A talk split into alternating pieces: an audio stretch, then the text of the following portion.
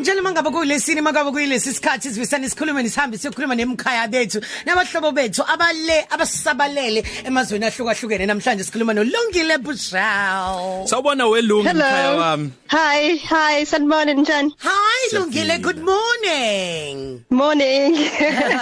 So hi guys. Siyaphila. So sekusela about 15 minutes ngaphambi ukuthi kube intambama lapho, right? Yes, yeah. Yeah. Quarter to 12, yeah. Yeah. Use Ipswich eNgilandi sekuyisonto lesithathu Yes. leli sikhuluma nomuntu obased eEngland awukusitshele ngeIpswich ngazi iqembu lebhola kuphela awukusinikeze nje isithombe ngalo lelo dolopha Ipswich is a small town.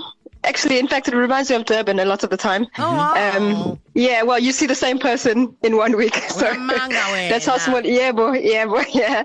Um, but uh, yeah, I like Ipswich. It- At the moment, it's really cold um, and miserable. But otherwise, it's safe, it's secure. You know, people are friendly. Welungile. Se usethekwini ke manje ke a- a- awukhohlwe ngeEngland sithi kanti la magebo sezwana. Sikhuluma isiZulu dali, okay? I guess. Ngithi sicela kakhulu kwisiZulu. Okay. Uh, Yes. Okay.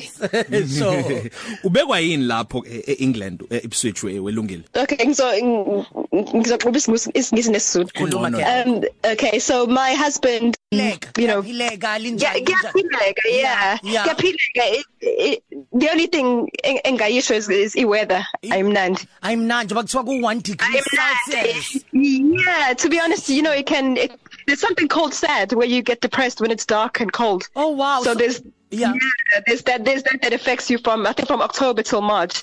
The the hours are you know it gets really dark about four o'clock Uh-huh. and then dark in the morning when you go to work. So that's the only thing I can say that really affects me personally. So ilanga liphuma skatsini ke ke mangoyikhona ebusika. Um, nga- mhlambe, eh, most days ilanga liphuma. Ha. You you yeah meliphuma ilanga you're lucky. Co- Ah. So So is izolo ilanga liphume liphumile ekuse- liphume ekseni ilanga. Eh. So that was nice but eh, ngadlula 2 weeks ilanga ungaliboni. Okay, ku- So, kodwa kuqala yeah. nini ukukhanya mhlawumbe ngabo 8 9 I would say prob- yeah, ngabo ngabo 9. Hawe ma. Ngabo 9. Mnyama ko- And then yeah, and then phela ngabo past 3. Sho. awuzivumele ke Yeah. sixoxe nge- nge- ngendodakazi wakho we- welungile owusaziwayo emncane kakhulu ngenxa yeziphiwo anazo usehambe waze wafika ngisho na kwi-Ellen show Oh, yes. okuwuhlelo oludume kakhulu Right. eMelika Telling us the audience. Yes. Unandi, yeah. So Unandi is a drum is a drummer. She's a professional drummer. Uh yeah, she attended Ellen show December, beginning of December. Oh wow. Um, she was asked to attend the show, so yeah, that was a lot of fun. She enjoyed the trip. LA is a long way away, so I think the time difference was quite difficult Mm-hmm. Yeah. for both the children. But Yeah. yeah, um, and th- they would like her to go on the Ellen show again. I think mid mid year. So Oh wow, okay. yeah, that was quite that was quite an experience Mm-hmm. for all of us.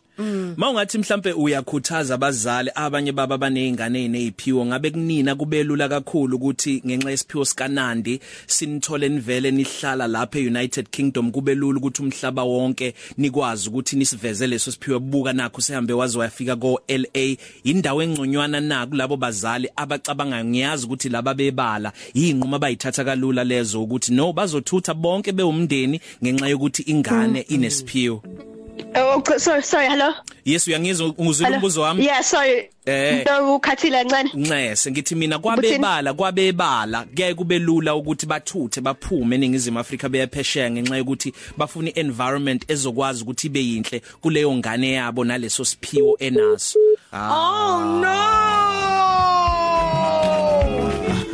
Kwetsa khalang swiri. Siyakuthola siyakuthola Lungi kulungile sisale sesiyibamba lapho ke ulungile loyo waka Bushell ndodakazi wakhe uNandi ungahamba uyolibona ipage lakhe la ka Instagram lithini Thozama Nandi Bushel kulaphena ku Instagram u Nandi Bushel akhona lapha ku Instagram hambe yombheka ingane incane inhle wejesu ine talent elimangalisayo kaze ubani sibe sikhuluma naye ngesonto elizayo elizayo sibonga kakhulu kwintombazane yase H2 esikhawini ulungile Bushell Coffee Cafe. Ilunch yakho ayifani neyizolo.